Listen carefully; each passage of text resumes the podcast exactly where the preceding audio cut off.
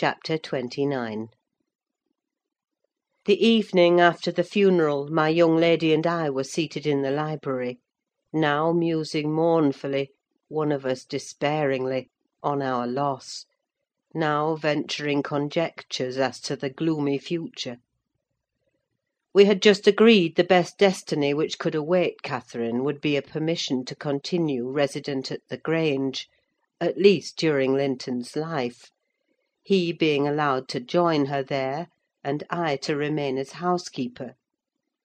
That seemed rather too favourable an arrangement to be hoped for; and yet I did hope, and began to cheer up, under the prospect of retaining my home and my employment, and, above all, my beloved young mistress; when a servant, one of the discarded ones not yet departed, rushed hastily in, and said, that devil Heathcliff was coming through the court, should he fasten the door in his face.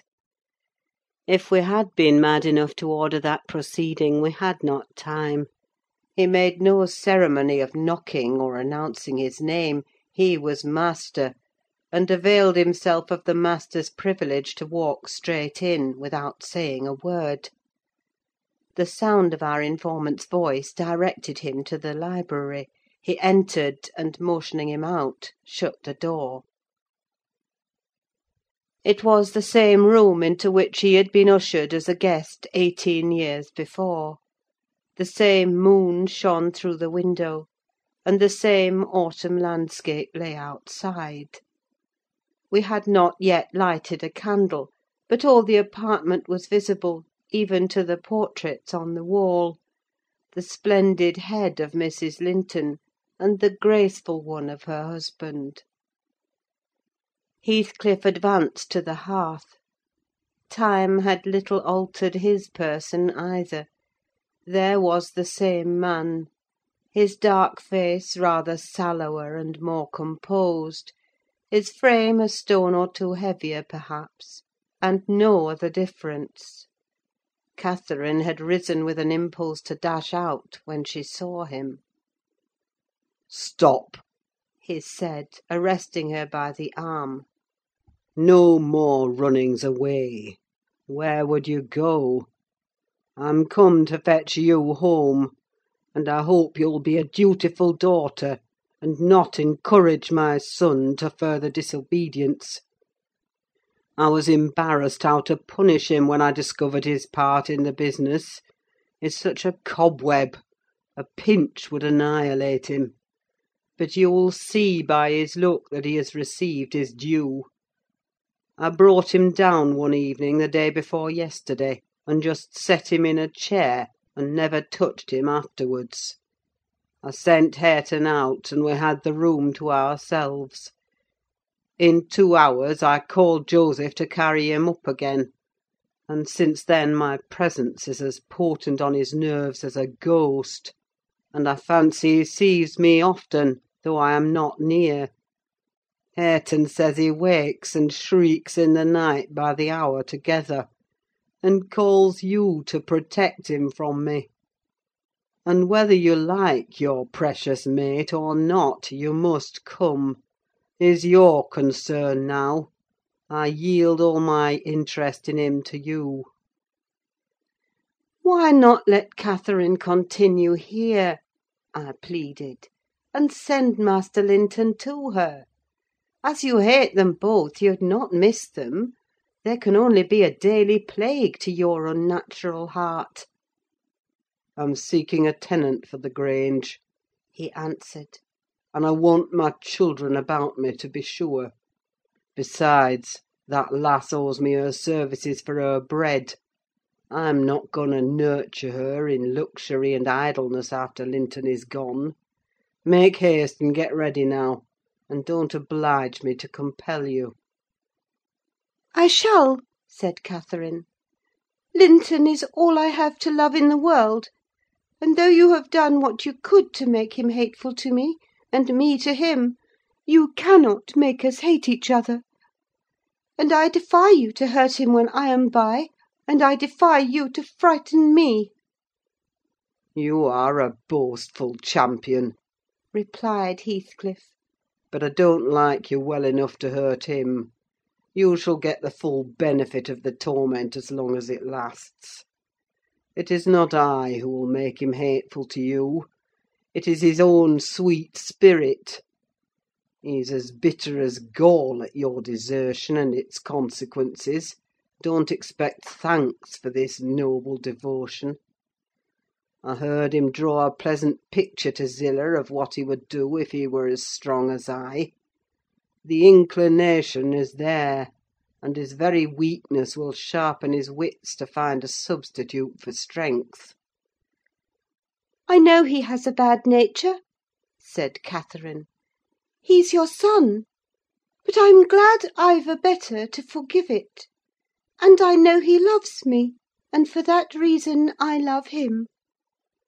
Mr. Heathcliff, you have nobody to love you; and, however miserable you make us, we shall still have the revenge of thinking that your cruelty arises from your greater misery. You are miserable, are you not? Lonely, like the devil, and envious, like him? Nobody loves you; nobody will cry for you when you die. I wouldn't be you." Catherine spoke with a kind of dreary triumph. She seemed to have made up her mind to enter into the spirit of her future family, and draw pleasure from the griefs of her enemies. "You shall be sorry to be yourself presently," said her father in law, "if you will stand there another minute. Begone, witch, and get your things." She scornfully withdrew. In her absence I began to beg for Zillah's place at the Heights, offering to resign mine to her; but he would suffer it on no account. He bid me be silent; and then, for the first time, allowed himself a glance round the room, and a look at the pictures. Having studied Mrs. Linton's, he said, "I shall have that home: not because I need it, but he turned abruptly to the fire, and continued with what, for lack of a better word, I must call a smile: "I'll tell you what I did yesterday. I got the sexton who was digging Linton's grave to remove the earth off her coffin lid, and I opened it. I thought once I would have stayed there. When I saw her face again, it is hers yet. He had hard work to stir me; but he said it would change if the air blew on it, and so I struck one side of the coffin loose, and covered it up. Not Linton's side, damn him! I wish he'd been soldered in lead. And I bribed the sexton to pull it away when I'm laid there, and slide mine out too. I'll have it made so. And then, by the time Linton gets to us, he'll not know which is which." "You were very wicked, Mr. Heathcliff!" I exclaimed. "Were you not ashamed to disturb the dead?" "I disturbed nobody, Nelly," he replied; "and I gave some ease to myself. I shall be a great deal more comfortable now and you will have a better chance of keeping me underground when I get there. Disturbed her? No! She has disturbed me, night and day, through eighteen years: incessantly, remorselessly, till yesternight. And yesternight I was tranquil. I dreamt I was sleeping the last sleep by that sleeper, with my heart stopped, and my cheek frozen against hers. "And if she had been dissolved into earth, or worse, what would you have dreamt of then?" I said. "Of dissolving with her, and being more happy still," he answered. Do you suppose I dread any change of that sort? I expected such a transformation on raising the lid. but I'm better pleased that it should not commence till I share it. Besides, unless I had received a distinct impression of her passionless features, that strange feeling would hardly have been removed. It began oddly. You know I was wild after she died, and eternally, from dawn to dawn, praying her to return to me her spirit. I have a strong faith in ghosts. I have a conviction that they can and do exist among us. The day she was buried there came a fall of snow. In the evening I went to the churchyard. It blew bleak as winter; all round was solitary. I didn't fear that her fool of a husband would wander up the glen so late, and no one else had business to bring them there. Being alone, and conscious two yards of loose earth was the sole barrier between us, I said to myself, "I'll have her in my arms again. If she be cold, I'll think it is this north wind that chills me; and if she be motionless, it is sleep." I got a spade from the tool house, and began to delve with all my might. It scraped the coffin I fell to work with my hands; the wood commenced cracking about the screws. I was on the point of attaining my object, when it seemed that I heard a sigh from some one above, close at the edge of the grave, and bending down. "If I can only get this off!" I muttered. "I wish they may shovel in the earth over us both!" And I wrenched at it more desperately still. There was another sigh close at my ear. I appeared to feel the warm breath of it displacing the sleet laden wind. I knew no living thing in flesh and blood was by; but as certainly as you perceive the approach to some substantial body in the dark, though it cannot be discerned, so certainly I felt that Cathy was there: not under me, but on the earth. A sudden sense of relief flowed from my heart through every limb. I relinquished my labour of agony, and turned consoled at once: unspeakably consoled. Her presence was with me. It remained while I refilled the grave, and led me home. You may laugh if you will, but I was sure I should see her there. I was sure she was with me, and I could not help talking to her. Having reached the Heights, I rushed eagerly to the door.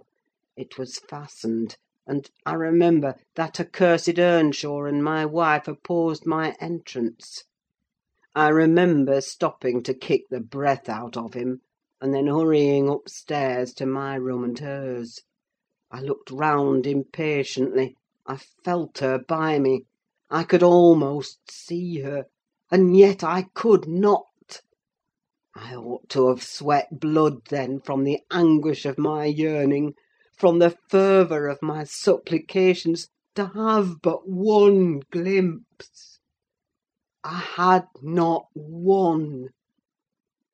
She showed herself, as she often was in life, a devil to me; and since then, sometimes more and sometimes less, I've been the sport of that intolerable torture. Infernal! keeping my nerves at such a stretch that, if they had not resembled catgut, they would long ago have relaxed to the feebleness of Linton's. When I sat in the house with Hareton, it seemed that on going out I should meet her. When I walked on the moors, I should meet her coming in. When I went from home, I hastened to return: she must be somewhere at the Heights, I was certain. And when I slept in her chamber, I was beaten out of that. I couldn't lie there. For the moment I closed my eyes, she was either outside the window, or sliding back the panels, or entering the room, or even resting her darling head on the same pillow as she did when a child; and I must open my lids to see. And so I opened and closed them a hundred times a night, to be always disappointed. It racked me. I've often groaned aloud, till that old rascal Joseph no doubt believed that my conscience was playing the fiend inside of me.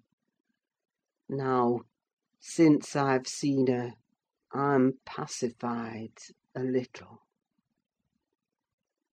It was a strange way of killing: not by inches, but by fractions of hairbreadths, to beguile me with the spectre of a hope, through eighteen years. Mr. Heathcliff paused and wiped his forehead. His hair clung to it wet with perspiration; his eyes were fixed on the red embers of the fire; the brows not contracted, but raised next the temples, diminishing the grim aspect of his countenance, but imparting a peculiar look of trouble, and a painful appearance of mental tension towards one absorbing subject. He only half addressed me, and I maintained silence. I didn't like to hear him talk.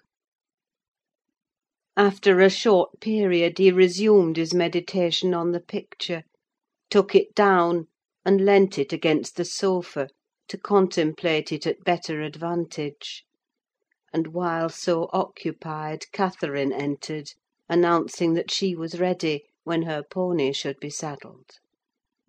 "Send that over to morrow," said Heathcliff to me; then turning to her, he added, "You may do without your pony: it is a fine evening, and you'll need no ponies at Wuthering Heights. For what journeys you take, your own feet will serve you. Come along." "Good bye, Ellen!" whispered my dear little mistress.